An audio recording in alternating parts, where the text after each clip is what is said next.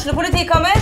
Ine Jansen er purk. Er du purk? The motherfucking bitch. Alt jeg vil, er å finne ut hva som skjedde med mannen min. Jon Carew. Er jeg sikta for noe? Iben Akeli. Det er du. Ole So, Lars Berrum og Big Daddy Karsten. Hvem sin side er du på, egentlig? Anette Hoff, Tone Danielsen, Kommer du fra Afrika? Jørnis Josef, Nesten. Kløfta. Trond Espen Seim, Det er synd å si det, men det var feil mann som døde. Purk. Premiere tirsdag på TV2 Play. Sesongen er over i tredje, fjerde og femte divisjon for herrer. Noen har rykket opp, noen klarte ikke å rykke opp, og dessverre, noen må jo alltid rykke ned.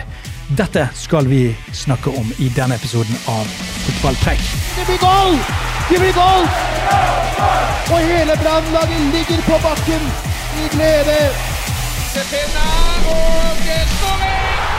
Velkommen til Kristoffer Hafsås og Per Kolstad. Per Kolstad, det er du som leverer referat fra hver kamp i, i disse her eh, divisjonene vi skal snakke om i dag. Du snakker med trenerne etter hver eneste kamp, og vi får jo et referat, et kampreferat fra disse kampene etter hver runde. Velkommen til deg. Takk for det. Og Kristoffer Hafsås, du har kommentert eh, tredjedivisjonskamper gjennom sesongen. Eh, eh, velkommen til deg òg. Tusen takk for det. Vi, skal ikke, vi skal ikke snakke oss rundt grøten, vi skal rett og slett bare gå rett i gang med og begynner med tredjedivisjon eh, avdeling 1. Der rykket Lysekloster opp.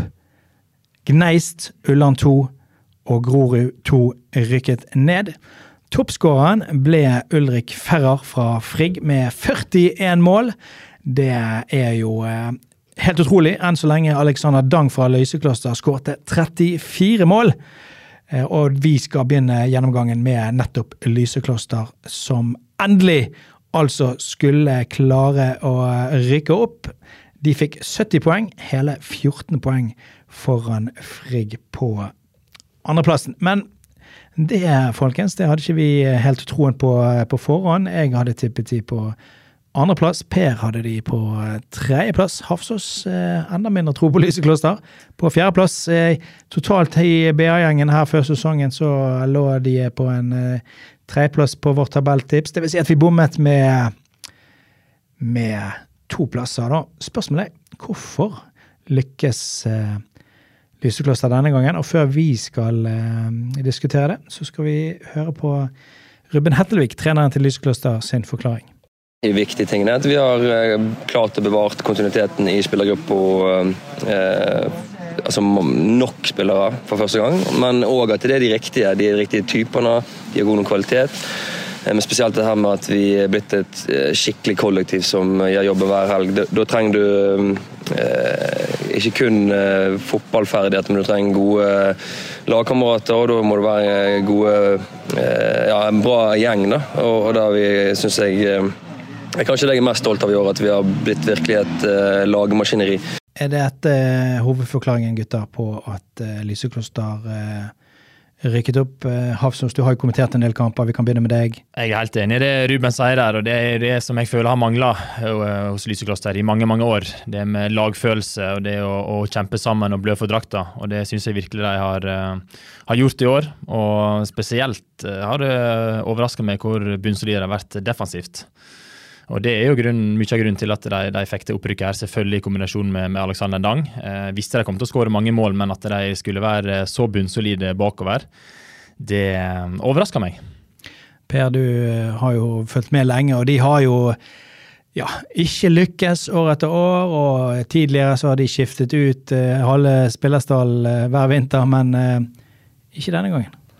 Kontinuitet er jo et viktig dimensjon i fotballen. Altså Det som gjør at det er vanskelig for kontinuitet på dette nivået, er at det er veldig mye ettårskontrakter. Og Det vil si at du hver høst må fornye disse tingene. Da får du en ustabilitet i gruppen som, som Lysekloster har hatt i en god del år.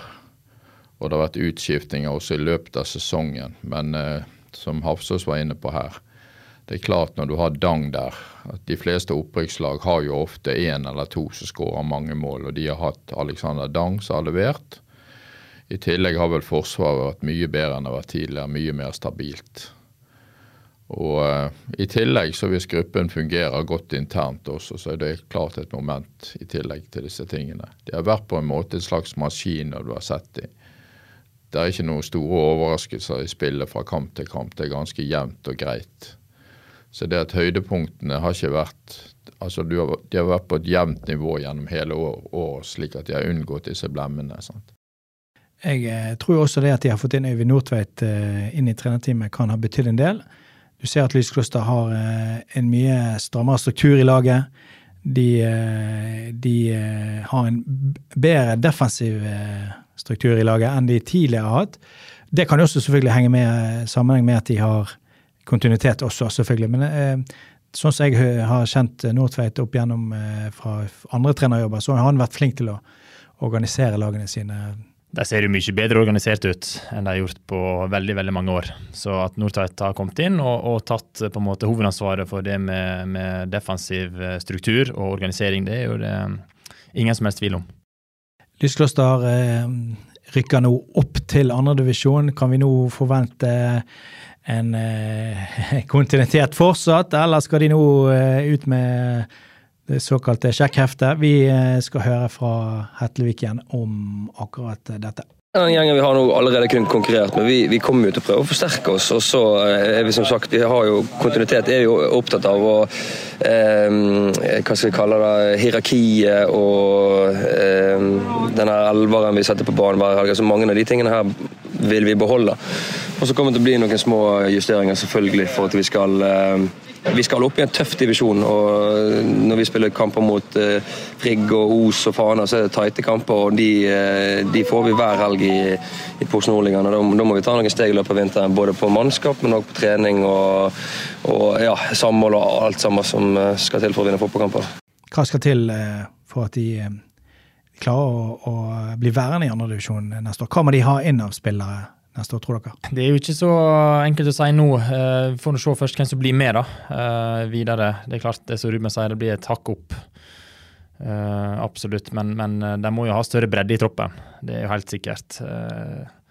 Skal du spille i post nå, så er 12-13-14 uh, må være bra nivå på òg, som skal komme inn i kampene. sant? Dang forventer vel at skal fortsette neste år òg, og kommer nok til å skåre. Ikke i like stor grad, selvfølgelig, men de bør jo ha et backup på spissplass. Veit har vært i kontakt med, med Haugland fra Sandviken. Veldig interessert i han. Han har jo ett år igjen proffkontrakt i Sandviken, da, så, så, den må jo eventuelt løses ut der. Men, men, jeg tenker at Dang må ha konkurranse og må, de må ha en backup. For hvis han går på en, en langtidsskade, så hvem skal skåre mål.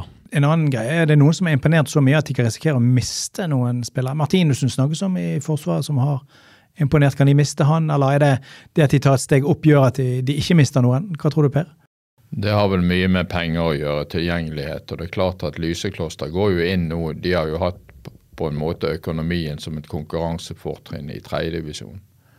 Og jeg vet jo hvordan det var i Løvham i 2004, når de rykket opp i Adeccoligaen, som det het den gangen. Så mistet de konkurransefortrinnet sin i løpet av en natt. Og Det må Lysekloster være obs på, at de må prøve å rendyrke det som de er gode på. Og Hvis det er penger, så vil det koste mye penger i andredivisjon for dem. Og hvis de ikke har det konkurransefortrinnet, så må de prøve å finne andre. Og Det kan være som Hafsås er inne her på, at de er flinke til å hente de rette spillerne. Det er, jo, det, er jo, en kunnskap. Ja, det blir spennende å se. Det skal jo være mange spillere som har tatt kontakt for, å, fordi de vil spille i Lysekloster neste år. Så det blir spennende å se hvem faktisk Lysekloster velger å ta inn i troppen til neste år. Jeg tror jo de aller fleste som er der nå, sikkert har lyst til å fortsette. Jeg Tror ikke du det, Havsås? Jo, det er absolutt. Jeg ser ingen grunn til at man skulle hoppe av det toget der nå, når man endelig har klart opprykket etter mange år i motbakke. Så uh, må det være veldig kjekt å være med på det der oppe i, i Post Nord og, og, og feite med de virkelig gode lagene. Et lag som vi trodde skulle rykke opp, men som ikke klarte det, det var jo Fana. De uh, endte jo på tredjeplass med 51 poeng. Det er hele 19 poeng bak Lysekloster og 5 poeng bak nummer to Frigg. Der ble gode gamle Tinn Nilsen toppskårer med 14 mål. Alle vi tre hadde Fana på førsteplass på vårt tabelltips. Totalt i, her i, i BA-gruppen så endte Fana på nummer to. Det vil si at vi, vi bomma jo litt, da, for de endte på tredjeplass. Um, men noe opprykk ble det altså ikke. Vi skal først høre fra Ørjan Haaland hva han eh, tenker om eh, denne sesongen. Vi, var, vi hadde god tro på sesongen. Vi, vi satt i besittelse av mange gode spillere. Eh, vi hadde en liten magefølelse òg på noe som satt litt inne. Vi visste jo at det er mange spillere som kommer til å flytte på seg i sommer. Det er mange som har vært i klubben over tid. Eh, og det er, det er, syv spillere som har vært ganske markante i en førsteelver de siste årene. Mm. Uh, og, og, det er jo klart Når du mister syv spillere ja, fra type juni til august-september, mm. så, så, merker du det. Både som gruppe og som lag, og som trener. Eh, resultatmessig at vi havner på tredjeplass eh, eh, gitt forutsetningene som har skjedd underveis, syns jeg er, er, OK, det. Men vi er jo ikke fornøyd med tredjeplass. Mm. Det, det, sier seg sjøl. Det, det, er selvfølgelig skuffende. Men vi må ta tak i de tingene som kan gi oss noe som kan gi oss verdi for fremtiden. Og det, det handler om her og nå. Mm. Det var forresten vår kommentator Kristoffer Fossdal som eh, intervjuet Ørjan Haaland etter siste hjemmekamp eh, til Fana. Er dere enig i det som Ørjan Haaland sier her? Nei, egentlig ikke det, altså. Eh, I form av at det er jo etter sommeren de har faktisk fått flyt i, i spillet sitt og tatt mest poeng. Så det har kun, det har kun to tap, så vidt jeg har sjekka opp i, etter ferien. Så, um, og det, den flyten gjorde at de kom forbi Os sant, på, på tabellen til slutt her. så ja, jeg tror, jeg tror ligger mer bak enn kun at de mista en del spillere. Altså, for det var jo, på, det var jo før sommeren at, at opprykket forsvant. Ja, det var jo eh, det var ganske mange spillere som forsvant i sommer. Det var noen som flyttet. Vebjørn Høines, som var toppskåreren til sommeren, var jo nok en viktig spiller. Og så var det noen som la opp og trappet ned. Og, så de begynte nesten litt sånn uh, halvveis på nytt igjen uh, til høsten. Gjorde ikke det, da?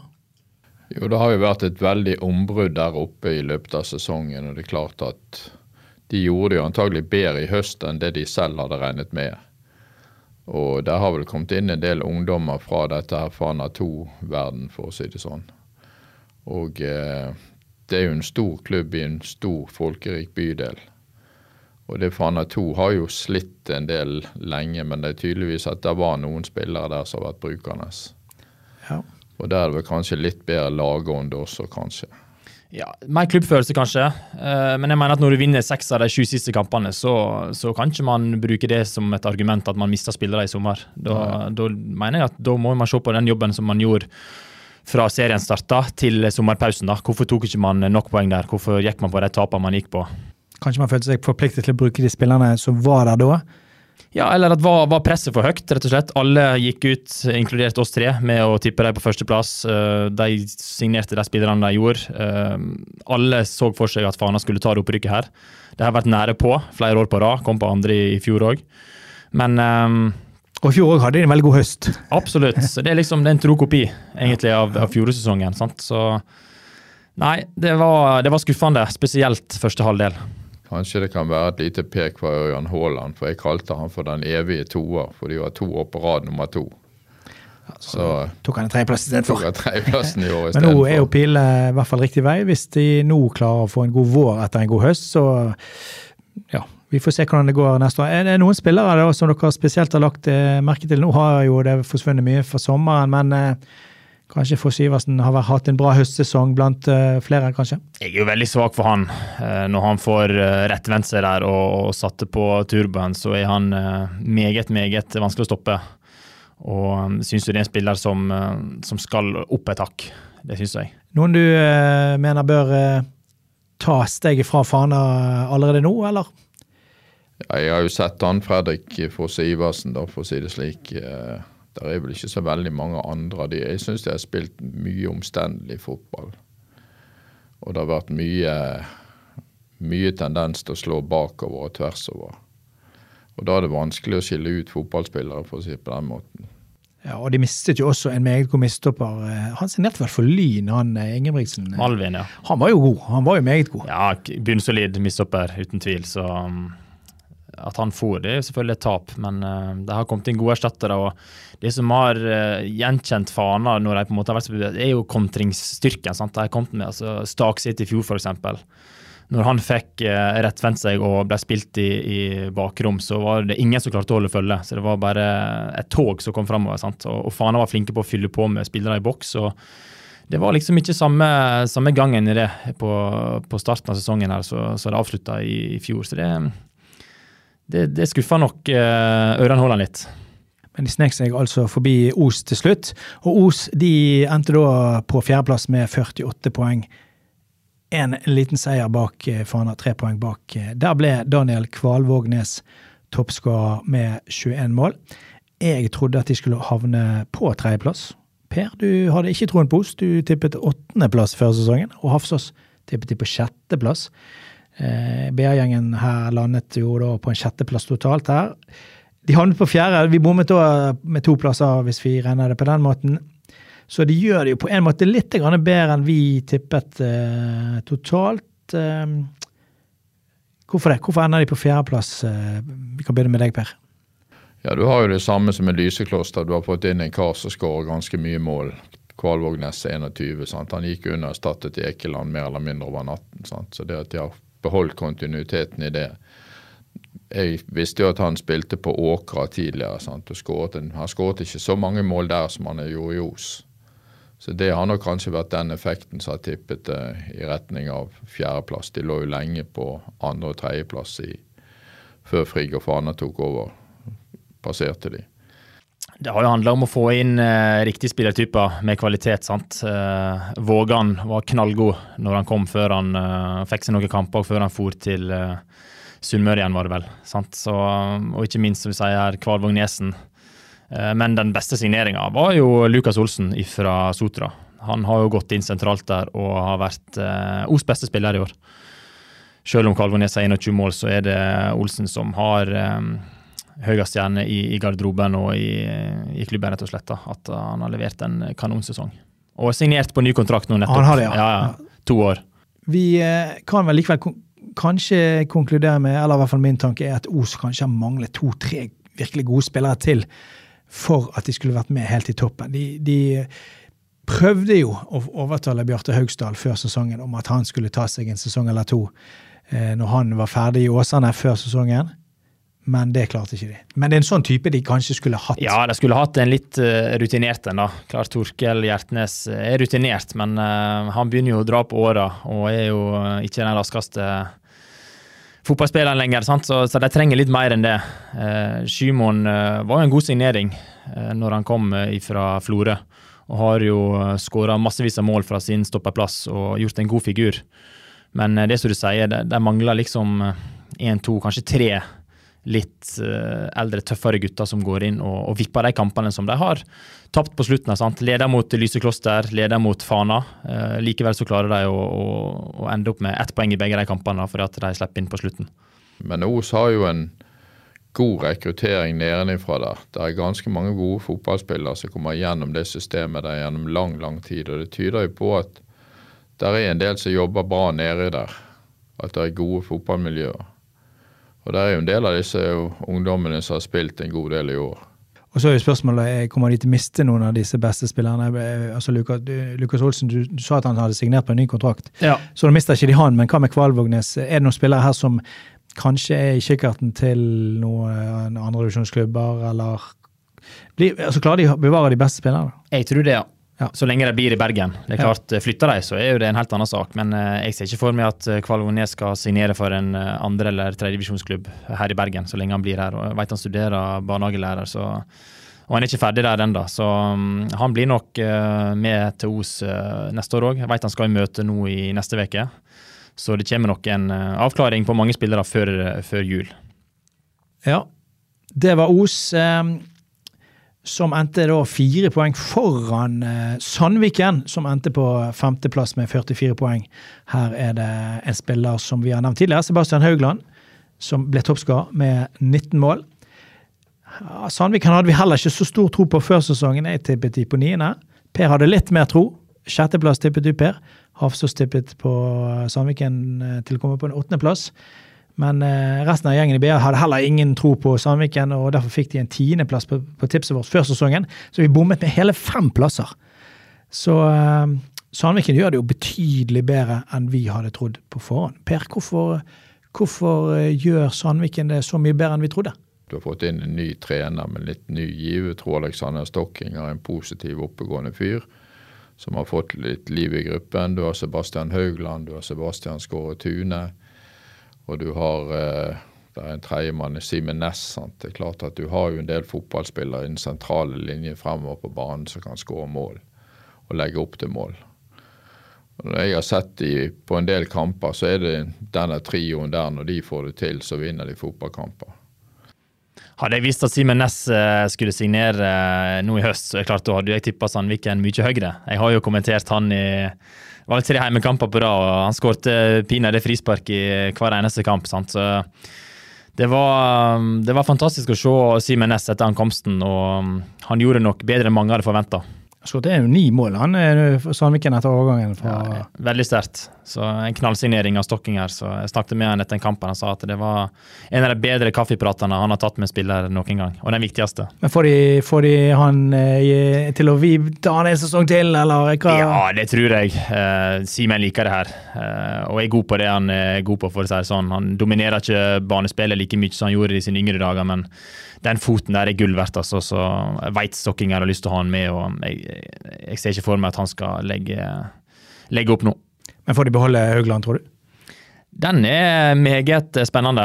Jeg vet det er klubber fra Obos, det er klubber fra Post Nord som er på jakt etter han. Eh, han har ett år igjen proffkontrakt, så det har litt med, med hva Sebastian vil sjøl òg. Han er jo eh, 27-28 år, mener jeg, og er nødt til å ta et valg om han skal satse og, og, gå for det og prøve å se hvor langt det kan gå, eller bli en, eh, en kultfigur i lokalfotballen og skåre 20 pluss pluss mål i tre-fire-fem sesonger framover. Det er vel også litt avhengig av hva han gjør sivilt, også sant, utdanning, jobb osv.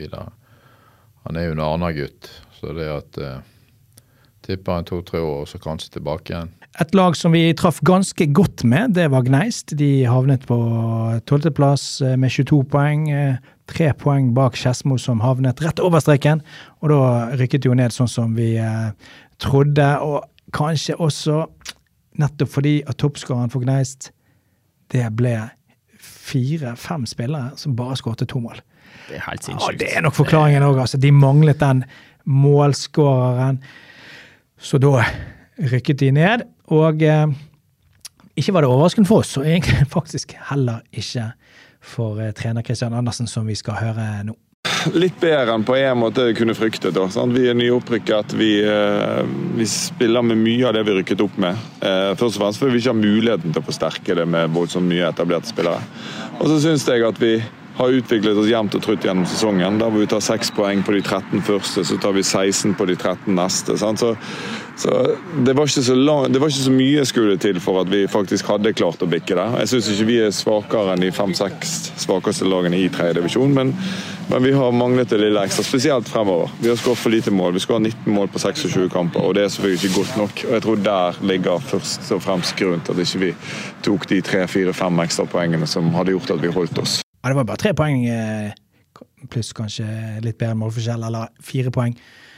Det var ikke mer enn det som skulle til. Nei, Jeg syns jo Christian oppsummerer det veldig greit. Han er nøktern og nøktern fyr, så jeg eh, De har kommet seg utover høsten, det har vært klart. De har plukket ganske mye poeng mot de andre nedrykkslagene. De klarte vel ikke helt å knekke koden mot de bedre lagene.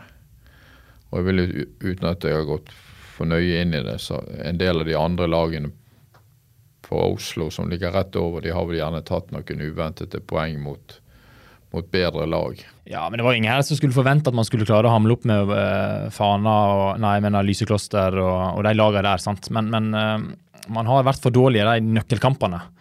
Uh, de lagene man møter rundt tabellen der. Og, og når toppskåreren din har to mål, så sier det seg sjøl hvor skoen trykker. da. Det er Hans Fredrik Holt som kom fra, fra Bjarg i sommer. Han skåret jo to i seieren mot Os borte der, og så, og så, går han ut med skade etter det. Så det er klart, det har vært uh, syltynt. Og, og, hvor har det blitt av Sondre Sæverås uh, i år? Hvor har det vært Niklas Haugland? Hvor har, altså, hvorfor har ikke de møtt opp i år?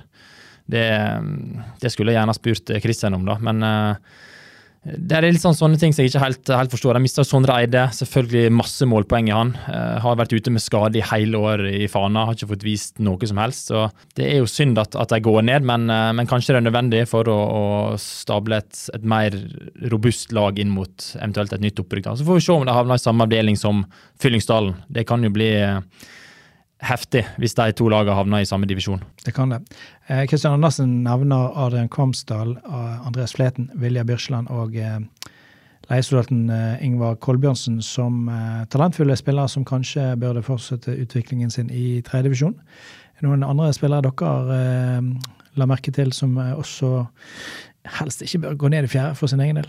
Jeg syns Jesus var bra på, på, kanten, som kom fra Lysekloster. Han var et uromoment og rask spiller. Fysisk så har du ja, Hans Fredrik eh, Holstad, som kom fra Bjarg, som, som nevnt, som har, har, det i seg, men eh, er nødt til å få orden på skadehistorikken. Så har du midtbanespiller der også som var brukbar i vår, men jeg tror han falt av i høst. Han Jørn Ross i Stenevik. Han var bra i noen kamper der. Ja. Og så, eh, etter kamp mot Lyskloster, så kom Kristian Andersen da med en uh, avsløring om at han gir seg som uh, Gneist-trener. Og her uh, i samtale med vår kommentator Mathias Ausnes, så forteller han hvorfor. Evne hvis du har full jobb ved siden av, som jeg har. og det å på en måte bruke så mye tid på fotball Eh, lange ni bortekamper i Oslo. Det har på en måte blitt eh, sånn at jeg har kjent på at eh, jeg forsaker veldig mye andre ting som jeg kunne tenkt meg. Og, og ja, ble på en måte litt sånn tom i løpet av sesongen. Og så syns jeg òg, når jeg har vært her i fem år og vi òg rykker ned, så trenger jeg det at en ny stemme og litt nye impulser, det tror jeg faktisk kan være bra for gruppen. Selv om jeg vet at både gruppen og klubben så var jeg ønsket meg videre, så tror jeg at det kan være med på å gi dem en god start i forhold til å komme tilbake. Eh, dette er et godt fjerdedivisjonslag som fort kan stå som opprykk hvis de beholder spillergruppen. Eh, og Da tror jeg det kan være en sånn liten ekstra energigreie etter hvert som det får satt seg. Og eh, hvis de da ikke havner i gruppe med Fyllingsdalen, som du sa. Ja, da blir, det, da blir det tett. Da blir det tøffe kamper. Over til avdeling tre, tredjevisjon avdeling tre. Der har vi den gode, gamle andrelags problematikken, for det var Viking 2 som rykket opp. Nedrykk ble det på Fyllingsdal, Eigar og Bremnes. Toppskårer ble Mats Gramstad fra Vidar med 25 mål. Og eh, best da i, eh, fra de lokale lagene ble Bjarg på en tredjeplass med 52 poeng. Fem poeng bak Vidar, som da havnet på andreplass. Toppskårer for Bjarg ble Markus Eierne med ti mål. Og Da ser man igjen at man trenger en skikkelig goalgetter hvis man skal ligge helt, helt oppe i toppen der, som skårer 20 pluss mål, eh, antageligvis, da. Ehm, jeg tippet de på en fjerdeplass før sesongen. Per hadde de på en andreplass. Hafsås var vågal med et, eh, å tippe Bjarg på førsteplass. Eh, vi bommet litt her. Um, før vi går inn på diskusjonen om Bjarg, så kan vi si at de var rimelig fornøyd med tredjeplassen sjøl. Men tror nok at de kunne gjort det litt bedre. Har ikke hvert fall en litt ja, humpete start på sesongen, skal vi um, si det på den måten. En eh, dårlig innledning på det. Vi, når vi kom på trening i januar, så var det for mye skader. Vi, vi fikk ikke trent på det nivået som vi, som vi ønsket oss. og Vårsesongen ble ujevn eh, som et resultat ut av det. Så eh, har vi på en måte Spillergruppen har på en måte klart å tenne gnisten internt. Og, og eh, sånn som vi fremstår i høst, så, eh, så gleder vi oss til eh, fortsettelsen. Så nå er dere kvitt eh, Brann 2 i fjor, Viking 2 i år. Hvordan ser du på neste sesong? Greier dere å krabbe helt opp til toppen? Vi skal i hvert fall gjøre det vi kan for å, for å, for å være der. Vi, vi, vi, vi, tenker at vi har uh, gjort en god jobb med å etablere oss uh, i toppen, og så er det naturlig å lete etter det neste steget. Ja, litt dårlig utgangspunkt med skader. Hvordan ser du på Bjarg sin sesong, Hafsås? Nei, jeg tipper de som sagt på, på førsteplass. da. Litt klubbfølelse der. Spilte jo der i, i, tre sesonger. sant? Um, kjenner godt til Torbjørn og ja, folka rundt klubben. Jeg vet at uh, i år så var året som de skulle rykke opp. Uh, man unngikk Fana, man unngikk Lysekloster og Frigg. sant? Uh, man klarte ikke det, og Torbjørn sier at de er fornøyd med, med tredjeplass. Uh, poengmessig, ja, det kan jeg forstå, men, men samtidig så, så, er det likevel skuffende at man ikke var med helt, helt inn, da. Uh, man bruker mer penger i Bjarg nå enn man har gjort i tidligere år. der er flere proffkontrakter. og det, da mener jeg at man, man burde hengt med helt inn, da. Men er det fordi at Viking 2 har plutselig funnet ut at nå skal vi opp med dette reservelaget vårt? Per, tror du det, er det der det ligger? Altså Bjarg har jo noen veldig gode enkeltresultater i denne sesongen. Veldig gode bortekamper, bl.a. Men det har vært for spett. Det har ikke vært stabilt nok. Men altså, jeg har sett Viking 2 i en god del kamper, og de er, noen av de der gutta der er veldig gode. Fiksdal, Galta, Taraldset, en del av disse unge. Og de har klart å være stabile, slik som Brann 2 var i fjor. Så eh, kan si de to puljene våre lag er, er, i Oslo og Stavanger, er vel kanskje de to beste tredjedivisjonspuljene i landet. Så det er klart at det er et godt fotballmiljø nede i Rogaland, så det er ikke noe overraskelse at Viking 2 og Vidar havner f.eks. For foran Bjarg. Og hvis du ser videre ned her, så har du Djerv 1919, du har Brodd. Altså det har vært en ganske kraftig gruppe med lag fra Stavanger der som har vært gode. Ja, Brodd lå jo helt i toppen i fjor, blant ja, annet. Ja. De var jo med lenge i år òg, helt til de ja, kollapsa fullstendig på høsten. sant? Så jeg tror de gikk eh, på slutten av ni kamper uten seier. Ja, stemmer. Og en så god spiller som De Sosa står igjen med seks mål i år. Det er jo nesten sjokkerende. Ja. Eh, det var vår kommentator eh, faste kommentator på Stavål, Arvid som hadde snakket med Torbjørn Birkelund. Og senere i, i den samtalen så sa jo egentlig òg Torbjørn Birkelund at han var ikke så redd for å miste spillere, egentlig. Eh, kanskje ingen som har utmerket seg sånn superveldig til at de plutselig skulle få et eh, ja, de er vel på proffkontrakter, de beste, de, så de, de, må jo bli kjøpt ut eventuelt. Så det er vel ikke noe fare for at de mister de beste spillerne sine heller. Nei, jeg tror ikke det. Det alle går og venter på nå, er hva gjør Simen Hopsdal? Som er deres desidert beste spiller, uh, har vært uh, enormt viktig for, for, laget i år òg. Ja, han, er, han, blir så viktig han å få med. Så um, de går og biter negler og er veldig nervøse nå om han skal ta et år til. Ja, det er snakk om å, å uh, gå tilbake inn til Fyllingsdal i fjerde. Altså, det er vel ikke Ja, alternativet er å trappe litt ned. Ja. Sant? Det krever mye. Skal du være med i, i toppen i, i tredje div, så er det, det er fire økter i veka pluss kamp. Og det tar mye tid, som Andersen var inne på i Gneist her. så så det er klart at det, det forplikter jo litt. Det var jo midtstopper der også, han Arvid Austevoll. Han skårer jo en god del mål også. Jeg vet ikke hvor attraktiv han er rundt omkring i markedet, men uh... Hatt en dårlig sesong, da. Har vært mye skada. Slitt med en kneskade. Og har ikke hatt eh, den sesongen i år som han har hatt tidligere i år. Han har nesten vært toppskårer, han tror jeg, to siste åra, kanskje. Sant? Så har vært veldig kjent for å ta seg dype løper fra indre løperposisjon, kjøre rett gjennom boksen og sette dem, da. Så at han ikke var mer aktiv i år, det er klart det har vært en, eh, en negativ greie for, for Bjørg. Kunne kanskje havnet høyere, ja, med han Ja, og så valgte man også å starte med Elias Iversen, da, sant? den unge, lovende keeperen. Eh, valgte å, å, satse på han eh, i starten av sesongen. Eh, om det var det riktige, det som Torbjørn sier, man tapte jo for mange poeng i, før sommeren. Det var jo der egentlig opprykket glapp. Eh, så fikk man inn eh, keeper fra, fra Sogndal. Og han har vært bunnsolid, signert på en ny uh, toårskontrakt. Og klart, hva signal sender det til Elias? Jeg tror han må um, finnes en ny klubb uh, for å fortsette utviklinga si og ta, ta, steget opp, da. Vi må over på Frøya. De havnet på syvendeplass med 31 poeng. Seks poeng bak Stord på sjetteplass. Toppskåreren der ble Simen Næss med seks mål. Ja. Så skåret han eh, ni mål på, for Sandviken eh, etter han hadde skåret seks mål for eh, Frøya. Men eh, vi hadde ikke sånn kjempestor tro på, på Frøya. Jeg tippet de på ellevte, Per tippet de på tiende, Hafsås på åttende. De fikk allikevel en syvendeplass i tipset vårt i BA før sesongen. Vi bommet da med tre plasser. Så Frøya ender jo høyere enn vi trodde på forhånd. Det var Geirmund Gedi Brennesæter som har trent laget denne sesongen. Så hvorfor eh, ble de bedre enn vi trodde i år, Per? Ja, Det kan være ganske mange ting. Men Simen Næss har jo vært en bidragsyter. Du har eh, den banen der oppe er ikke så lett å vinne på. Pluss at de har vunnet en del kamper østpå når de har vært der.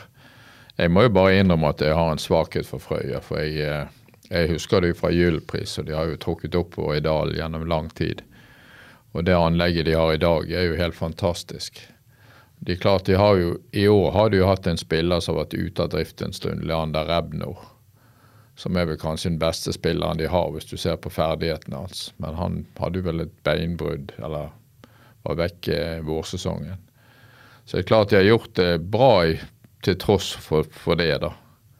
Og Simen har jo vært viktig i, i, mange av disse kampene før han dro til Sandviken.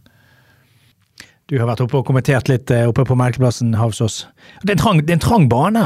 Ja, det er jo en berykta arena å komme til, men, vi er klar over det at, at Frøya har bare tre hjemmeseire i år.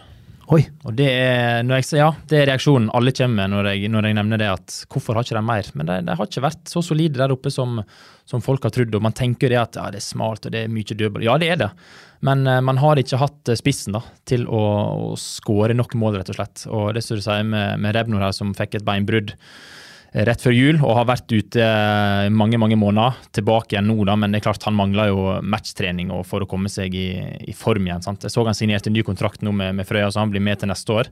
Det er jo enormt viktig eh, hvis Frøya skal klare å gjenskape sesongen som de hadde i år. Så, så, tror jeg det er han som blir lagets viktigste spiller. altså. Men vi har ikke hørt noe annet enn at Geddi fortsetter som trener der ute, eller? Han er signert. Han er signert, ja, ja. Så han fortsetter. Så det er jo, så kan han bygge viktig. på litt. Ja. ja. Du har jo to yngre spillere der også. Eller han, han Vetås og han Stjernberg også, som er brukende. Altså. Ja, de har, de har, fått seg litt mål, de, de gutta der. Ja. Eh, Loddefjord, eh, der var det spenning helt inn. Endte til slutt på tiendeplass med 29 poeng. Ett poeng bak Stål. Toppskåreren ble Joakim Westerheim med syv mål. Jeg trodde de skulle rykke ned. Eh, jeg tippet de på tolvteplass. Per tippet de på trettende. Du trodde de skulle så vidt klare seg på en ellevte, og de havnet på tiende. Så mm, ja, vi trodde vel De fleste trodde at de skulle rykke ned, så, så uh, Hvorfor klarte de seg likevel, Havsås? Det kom inn en uh, ny trener, en som var assistent, Carl uh, Nese. Han kom inn i vinter som assistent for Kenneth Johannessen, er det vel han heter. Han valgte å tre til side i sommer. Carl tok over hovedansvaret. Da hadde Loddefjord fire poeng Fire poeng hadde de 22.6, når han uh, tok over. Det er klart, det er et bekmørkt utgangspunkt når du vet at du må havne på en 8-29 ja, historisk sett for å holde deg. sant? Men uh, han kom inn med en, uh, med en ny giv og um, ja, fikk mer sjøltillit i laget. Og fikk spilt inn en elver etter hvert som, som ble bra. Vant fire av de fem siste kampene, fikk uavgjort de siste. Eh, så jeg har jo hatt en, en, fantastisk høst. Og det er mye av, av Karl som skal ha, skal ha hans, eller skryt for det, da. Eh, jeg har jo savnet Marius Bille i lagoppstillingen her. Eh, det var vel en spiller man hadde håpet skulle på en måte komme i gang igjen etter litt tunge år, kanskje? Ja, har jo vært med litt, og har vært god når han har vært med, men for mye skader. Og sto jo over to siste kampene nå med skade. Mange tror det at han kommer til å følge Tommy i Askøy. Eh, de hadde jo et, en god relasjon i, i Øygarden. Men jeg tror han blir.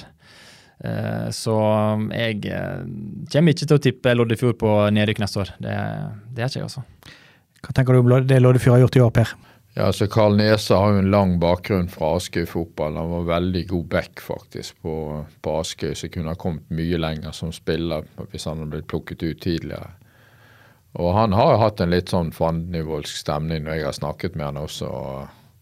Så det er klart han har jo snudd, snudd hele greia. sant? Det er bare til å lese på tabellene, så ser du hva som har skjedd der.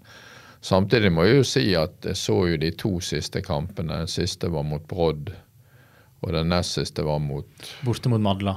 Borte mot Madla. Skårte 2-1 Det er jo et voldsomt kjempende lag. Det er ikke et finspillerlag. Så det er klart det er jo en del faglig sett som man kan forbedre seg på fotballmessig. Helt klart. Og Hvis du ser sammenligner Loddefjord-laget i de to siste kampene mot Fyllingsdalen, så er Fyllingsdal et mye bedre lag.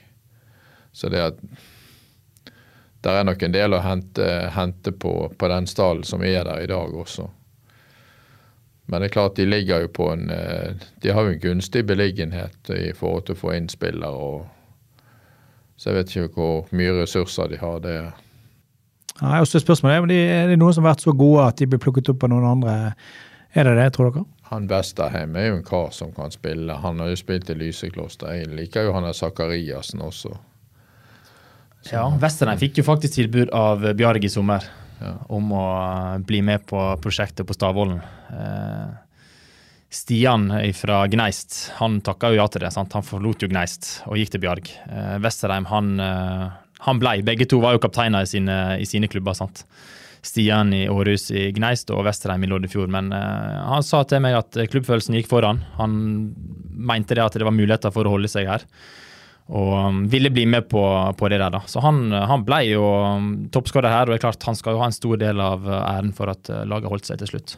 Ja, men det er jo ikke Fyllingsdal. De rykket ned. De endte på tolvteplass med 27 poeng, ett poeng bak Madla som endte på sikker plass. Madla holdt seg i siste liten der. Toppskårer ble eh, ringreven Mathias Raum med ti mål.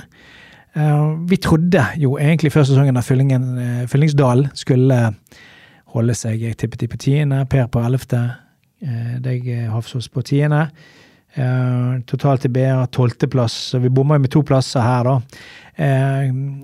Så de begynte jo med Tom Angersnes som trener. Også, begynte jo veldig bra. Ja. Tre seire på rad. Toppa jo tabellen. Ja. Folk begynte å lure på hva som skjer her. Ja. Og så Hva skjer da? Nei, da var det fullstendig god natt. Det var tap og tap og tap, og ingen som forsto noe som helst. Hvordan kan man, hvordan kan man slå et Jerv 1919 borte, og så, og så taper man 8-9 eh, neste kampene, liksom. Det Nei, jeg har ikke noe eh, god forklaring på hvorfor det gikk uh, gale i den perioden. her, For det var jo den der som, som rett og slett bidro til at de rykte ned til slutt. Ja, Hvis du kutter sesongen opp i tre slicer, så har du den første delen som du snakket om. Så har du den i midten, og så har du den de seks siste kampene, blir det vel, med han Maximilian Luedi som kom inn der.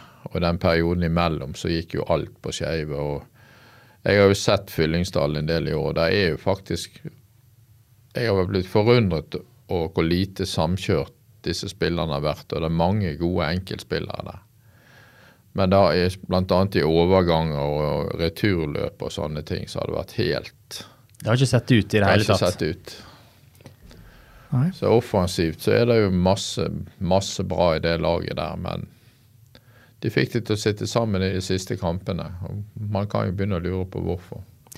Men jeg, jeg, tror jo dette handler mye om en, en, en, større diskusjon om hva er det som skjer med fotballen i, i dalen. Det er noe elementært gale i, i hele klubben, sant? uten at man skal gå for dypt i det akkurat her og nå. Men uh, det må gjøres grep, og jeg tror at på sikt så har man godt av et nedrykk. Jeg håper at uh, Lueri får uh, fortsette til neste år og får med seg de spillerne som er gira på å og blø for drakta og virkelig ta Fyllingsdalen opp igjen, eh, i hvert fall én divisjon. Eh, for jeg har stor trua på Luedi som, som, trener. Ja, det er mye som skjer der siden du spilte der. Da var det eh, ekstremt gode spillere. Det var Kjetil Knutsen som var trener, og så skar det seg. Ja, vi hadde jo Jakob Gessnes, Senei Hagos, eh, Geir Endre Herrem, Kristoffer Bidne, som har skåret 30 pluss for Voss i år. Så vi har flust av gode spillere. Det er, det, er det, det er, ikke det, som har vært problemet i Fyllingsdalen, at spillerne ikke har vært gode nok. Det har vært eh, andre problem innad. Høyere oppe. Så, ja, jeg tror kanskje man må gå dypere inn i materien gjennom vinteren her eh, og snakke med folk. og Per, du har dine tanker om uh, utviklingen i Fyllingsdalen. Så ja, altså, du kan jo nevne et par punkter som er, som er problematisk der, uten at vi skal svare på alt nå, da. Altså, du har jo bl.a. i styre og stell altså, mangel på Er du i tredje, tredjedivisjon og over, så må du ha en viss fotballkompetanse i de styrende organer. Og du har hatt en borgerkrig i fjor mellom damelaget og herrelaget. Du har breddesiden der som har lagt i årevis og gnikket og gnurt. Og eh, sist de rykket ned som fyllingen før fusjonen, så var det pga. at de var altfor dårlige på bortebane i Rogaland. De tok ett poeng på ti kamper i løpet av to sesonger og var mer enn gode nok på Varden. Så faktisk det samme skjedde da, at de var egentlig gode nok og rykket ned. Og det samme har skjedd i år. Så det har vært vanskelig der ute. Det har liksom ikke glidd rette veien, kan du si. Så det at Der er jo spillere der, sånn som han og Mathias Raum og han eh, Kim Arne Bakstad i de siste kampene, så er jo gode. Og de bør kanskje få lov til å fortsette. Kim Anne Bakstad burde jo gått et annet sted neste år. Ja, Det gjør han òg. 100 han, han spiller ikke fjerdedivisjon. Da, da, da sier han i hvert fall at han, da har han lagt opp alt av ambisjoner. da. Ja. Nei da, så er det jo, er det, jo eh, det mumles eller snakkes høyt alt ettersom om eh, kanskje dette eh, laget her bør hete Fyllingen og spille gule og blå drakter. Så, så det er mye greier eh, som de må finne ut av der ute, hva, hva fremtiden er ute med fotball i dalen. Så vi får konkludere med at Viking 2 rykket opp og Fyllingsdalen rykket ned. Og så skal vi over til eh, fjerdedivisjon, avdeling 1, hvor eh, Tommy Knarvik eh, og gjengen der ute førte Askøy til opprykk. Det skal bli spennende å se Askøy i tredjedivisjon neste år. Så rykket Sotra 2 og Øystese skråstrek Norumsund ned. Toppskåreren ble Kristoffer Bidne. Han skårte hele 33 mål. Askøy var altså suveren med 60 poeng. Lenge så så det ut som Arna Bjørnar eh, var med i den opprykkskampen. Eh, Hvordan var den sesongen her, eh, Per, egentlig, i den avdelingen? Den er jo eh, preget av at det er stort klasseskille i avdelingen. Du har fem lag som er mye bedre enn de andre. Du har tre lag som er bedre enn de eh, fem, og resten er på en måte røkla. Så det er klart det har vært masse kamper av de, store, av de beste lagene som har vært klare seire mot disse dårlige lagene. Askøy har sikkert fått inn en helt annen treningskultur enn de har hatt på mange år. Det har jo vært problemet ute på øyen der. De har hatt dårlig treningsmiljø i mange, mange år. Nå rykker førstelaget opp, nå rykker andrelaget opp. Så Tommy har nok fått en ganske klar innstramning av det de holder på med sportslig. Pluss at det har, det har jo dryppet ned noen spillere fra hans tidligere bakgrunn ute på Sotra. Voss var uheldige. De hadde vel fire bortekamper og tapte tre av de, bl.a. mot Handelshøyskolen, så de var jo ute av løpet før det var startet. sant? Var det pga. den flommen, eller? Ja, det er pga. dårlige forhold. Pluss at Voss har jo en altså det, det, er greit å gå på ski på Voss, men det er ikke så greit å spille fotball. De har ikke noe særlig hallfasiliteter. Men hadde de egentlig opprinnelig et ønske om å ta steget opp igjen i treet? eller?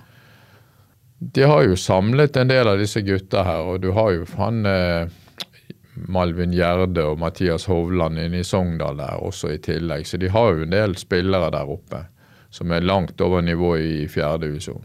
Ja. Men eh, de er nok klar over det at det er en del utfordringer med det. Sant? De har jo allerede utfordringer med vinteren der oppe. De må gjerne trene i Bergen sant? og gjerne gruppen delt i to.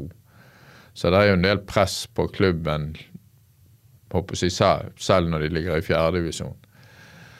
Så Ja, det var vel eh, det, det, ble vel ganske klart litt ut på høsten at det ble Askøy. Arne Bjørnar hadde jo eh, hang jo med en stund i toppkampen, så det ut til i hvert fall.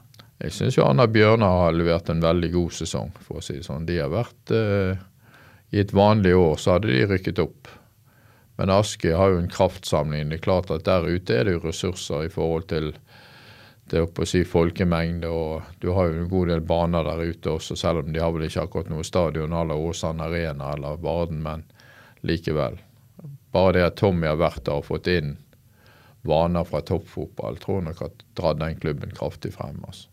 Er det noen spillere i den avdelingen som eh, har utmerket seg, som bør eh, ta et steg opp eh, ut ifra det som har vært eh, prestert? Jeg syns jo Askøy har mange bra, eh, men de tar jo steg opp nå. sant? De skal jo spille i, i tredjedivisjon til neste år. og Dukai syns jeg har vært meget bra på midtbanen til, eh, til Askøy. Og så har du Jacobsen, som er en 20 år gammel wingback.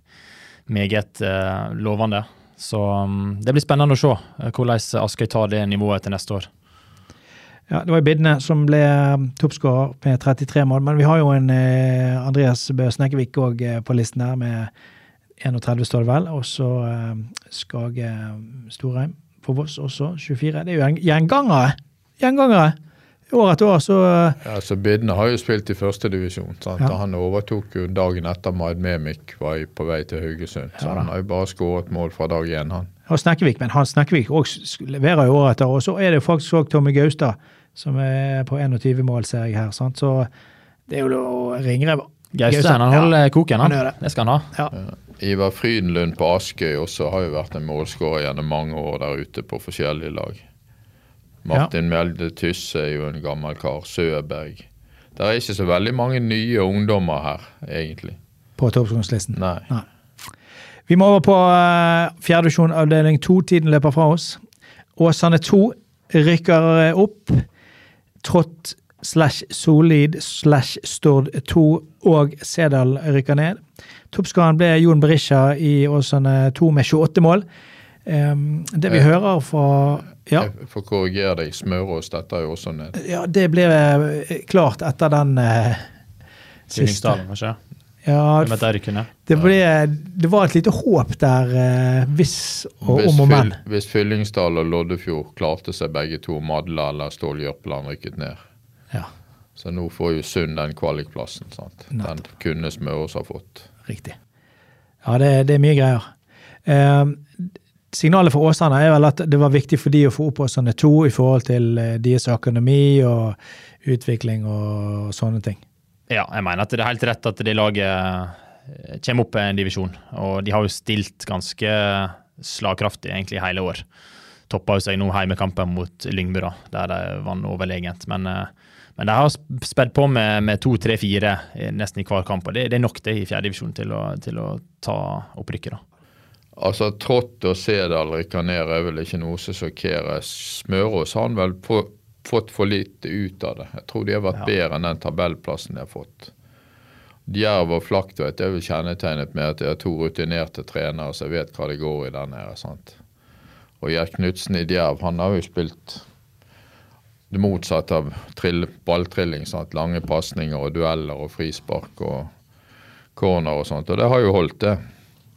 Ja. Så det at, eh, men vi ser jo også her at det er et stort skille. sant? Hvis du tar med eh, Du har Lyngbø, Vareg, Austevoll og Nymark datt jo sammen på høsten. For han har to har vel aldri klart å levere noe. Og så har du resten av tabellen. Så det er et stort skille mellom Åsane og Åsane 2 og de andre lagene, de tre-fire neste lagene, og så resten. Så det er klare skiller i fjerdedivisjon. Jeg lurer på om ikke det er der skillet i norsk fotball går. Midten av fjerde, egentlig. Ja. Ja. For det at Jeg har jo snakket med folk i Lyngby, jeg vet jo egentlig ikke hvor interessert de var å spille i tredjedivisjon, for det er en helt annen verden. altså. Ja, du får reiseutgifter og Ja. masse Du må trene mer og hardere. Og, Ja, Det hjelper ikke å si til treneren at du skal i bursdag til et familiemedlem. Da sant? Da må du stille på den treninga. Så, så det er klart at der går eh, helt klart det største skillet. ja. Men eh, har det vært noen eh, spillere her i fjerdedivisjon avdeling to som eh, kan bli plukket opp av eh, klubber i tredje, da? Jeg hører jo noen rykter, da. Jeg er svak for Jon Berisha, da, men han skal jo selvfølgelig han også skal opp en, en divisjon. Så det Ja. blir meget spennende å se hva han kan levere. Ja. Eh, 28 mål i år er sterkt. Ung spiss og ja. Du har jo han Stefan Storvik Pedersen også, som er jo en meget bra spiller. og Han har jeg stort sett hørt på hver eneste kamp de har spilt. og Han er jo i Storvik-familien, som har hatt en god del gode fotballspillere. Kenneth og faren Kim og bestefaren Tor. Så det at han, han er en god spiller. Tertnes sin toppskårer. Ja. Ja, de som havnet jo midt på tabellen der, så um, hvis han har lyst, så kan han sikkert eh, prøve seg i tredje neste år, eh, vil jeg tro. Men jeg har jo hørt at eh, det var en som startet i tredjedivisjon i år, Dennis Pettersen. Startet vel hos Frøya, gjorde han det? Jo. Mm. Og så gikk han tilbake til Nymark. Men han skal være ønsket av Bjørg. Ja. Ja, Så det kan jo det kanskje bli noe ut av. Han August Selnes i, i Djerv også er en bra spiller. Han var jo ute i Åsane. Ja. Så det er jo Han Håvard Flåttve han kan vel ikke spille femtedivisjon til neste år? Nei. Det, det går vel ikke. Han har jo eh, levert bra på et lag som rykker ned, da. Og mm, bør jo absolutt eh, kunne spille høyere enn femte. Men eh, igjen, det går på ambisjoner. Hva, hva vil man? Vi må over til femtedivisjon. divisjon. Vi begynner med avdeling én. Der rykker Mathoppen og eh, Øygarden opp. Nei. Øygarden får kvalik. Øygarden får kvalik. Ja, Det er bare noen som kan korrigere meg. Jeg bare ser på strekene på tabellen. Ja. Nedrykk er Bønes og Sund 2 Pluss Løvan. pluss Løveren. Toppskårer ble Kristian Vindheim Rivedal fra Mathoppen med 37 mål. Um, Telavåg manglet da ett poeng. Uh, de lå ett poeng bak. Uh, det er ikke mye. Ett poeng manglet de. Det var vel fordi at Ole Fredrik Midtveit skåret færre mål enn vanlig på våren. Han kom virkelig i gang etter sommeren. Hadde han vært i støtet i vår på samme måte, så hadde de tatt den andreplassen. Men vi må tidlig nå bare eh, få konstatert Øygarden er ikke det samme som Øygarden. Altså For de som ikke fikk med seg den eh, sammenslåingen av Nordre Fjell og Skjærgård, er det riktig? Det Skjærgård og Nordre Fjell. Nordre Fjell var jo breddeklubben på Ågotnes. Ja. Nest var jo aldri det. Nei. Så det at Nordre Fjell og Skjærgard slo seg sammen. Og Nordre Fjell var jo oppe ett år her for noen år tilbake i fjerdedivisjon og rykket rett ned igjen. Da var Frode Misje trener, og han er trener for eh, Mathopen i år. Så det at Ja. Så det at det er jo eh, Det var vel kanskje ikke det, det enkleste navnet de valgte seg, da, for å si det slik. Du har jo Øygard også, som var Sotra tidligere. Så det er lett å ta feil. Men eh, vi ser jo at han Midtveit og Sindal, de to som har skåret mest utpå der, begge to har jo spilt i Telavåg. Ja. Så han, eh, det der er gutter med målteft som skårer mye mål. Han Husebø på femteplass der også i Øygard. Han er en kar som har skåret mye mål. Han kommer fra Skjærgård. Midtveit mener jeg har spilt mot eh, tilbake i 2018, og han- ser jo med en gang at det er jo Ja en, en spiss som har Ja uh, teft for mål, da, for å si det sånn. Så han må jo nærme seg uh, 150-200 mål, vel, for uh, Telavågen. Ja da, han er god å skåre mål, han. Men altså, vi ser jo her på toppskåringslisten? Rivedal med 37, og så Midtveit med 33. Det er jo gode tall. Sindal med 23, og så dukker det opp en eh, Erik André Husklepp med 17 mål for Vadmyra. Imponerende, det. Ja, det er jo det. Eh, alder, han er vel 39 år blitt nå. Eh, Vadmyra havner på eh, femteplass. Eh, jeg husker jo Vadmyra var oppe i andre, gamle andredivisjon, mener jeg å huske i gamle dager. Var ikke Det det? var oppe et par år, Ja. faktisk. Da var jo Espen Steffensen uti der, og Stein Avelone. Og... Men altså, Erik Huseklepp har jo noe som veldig mange av disse fotballspillerne i dag ikke har. Han syns faktisk det er gøy å spille fotball. En fordel. Og, og veldig mange av disse spillerne glir jo ut når de er 25-30 og slutter å spille fotball. Jeg kjenner jo han som trener eh, Vadmyra, og han sier jo det at Erik har det kjempegøy der ute og en voldsom ressurs. Femtedivisjon avdeling to, og da får jeg si det på denne måten, der havnet Trane og Os 2 over den streken, altså på første og andreplass. Får de opprykket, da får de opprykket òg, Per, ikke de? Jo. Og Viking, TIFF Viking, da, de får ikke opprykk. De har vel ledet stort sett hele sesongen, men de har jo glidd på et bananskall i høst fordi at de har levert dårligere. Jeg har jo spurt dem hva, hva som gjør For du så det allerede etter tre-fire kamper at de hadde dårligere resultat enn i vår. Jeg har ikke noen forklaring på det. De, de klarte ikke å komme med det selv heller, så det at Ja. Det var rett, de har rett og slett sparket bein for seg selv. For det at Os Trane har jo kommet seg gjennom sesongen, og Os har jo, har jo et bra lag. Men Viking ledet jo overlegent en stund, så de røk hele opprø- i høstsesongen. altså. Ja, og Her ser vi jo kanskje det der som vi var inne på når vi snakket om Os i tredjedivisjon, at Os har eh, mange ungdommer på vei. Eh, Magnus Spangle Spangler Haga ble toppskårer med 17 mål. Det er vel en av de ungdommene, vil jeg tro. da. Ja, ja da. Ja, sant? Så, så eh, får vi se om de Os to klarer å holde det laget i fjerde neste år. Ja, jeg håper at Stian Kvåle får fortsette. Han har gjort en bra jobb etter nedrykket og stått på med den gjengen sin. Unge spillere som han liker å jobbe med. og De klarte vel i siste Var ikke det Viking som spilte uavgjort i siste kamp? eh, Som gjorde at Os 2 klarte opprykket til slutt. Jeg tror det var spenning helt inn til jo, jo. siste serierunde der. Så det var jo ekstra artig når de lå bak Viking hele sesongen, selvfølgelig. Så, men det er jo surrealistisk å tenke på Trane mot Fyllingsdalen. Hæ? Hvem hadde trodd det for noen år siden? Det, Ja. det er nesten så jeg, jeg, ja, det er nesten jeg ikke tror det engang. Kanskje det Trane har noe som Fyllingsdalen mangler. De har vel kanskje Bergens dyktigste, dyktigste leder, fotballeder. I avdeling 5. divisjon, avdeling 3, der rykker også et annet lag opp, Askøy 2. Um, og så tar de med seg eh, Bergen Nord, vel ikke de det, Per? Jo. Ja, Bjørg 2 får da ikke opprykket. Eh, nedrykk blir det på Hausvik og Norheimsund eh, skråstrek Øystese 2. Toppskårer blir eh, holdt på å si som vanlig Benjamin eh, Kleppe. Når han eh, er med, så blir han stort sett toppskårer. Fotlandsvåg eh, etter kanskje en kontroversiell overgang fra, fra naboklubben. Ender med 43 mål i år. Um, ja, Askøy rykker jo opp med nesten alle lagene sine, Per, i år. Ja, det er jo dette treningsmiljøet som eh, antageligvis er ut, gjør utslag. og det er klart Jo la, lavere du er i divisjonssystemet, jo mer vil jo det slå ut. Sant? For det er jo en god del av disse spillerne som har vært innom A-laget, både som innbyttere og spillere. Så det er klart at uh, det er en helt ny giv der ute, da. Det er fjør i hatten for Tommy, selvfølgelig, Ja, ja. som har eh, kommet ut dit og gjort en, en kanonjobb. Som vi alle visste han kom til å gjøre. Vi vet hva Tommy står for og hva han eh, får til. da.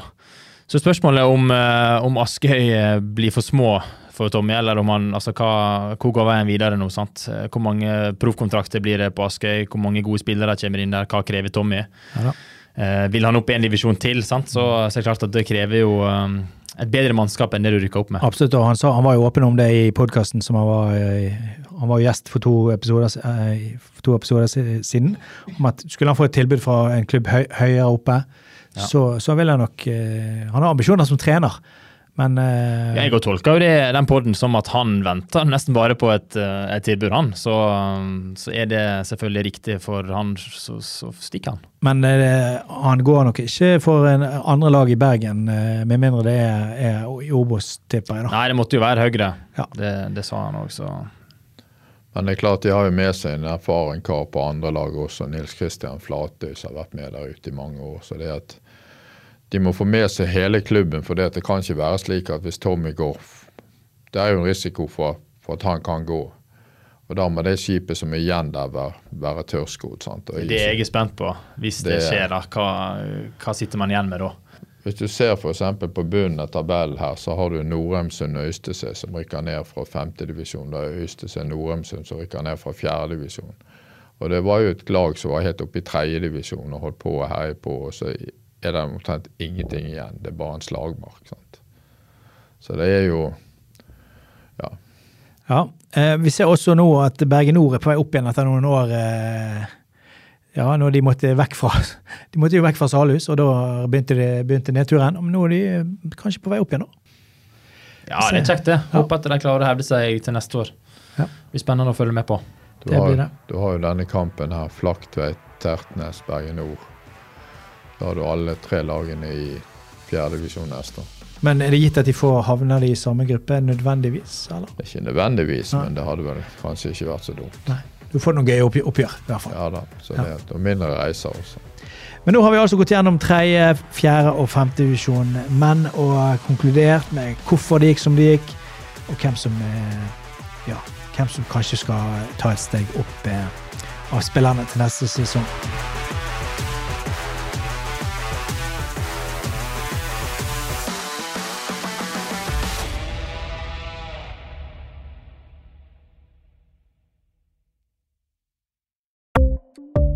Ukens annonsør er HelloFresh.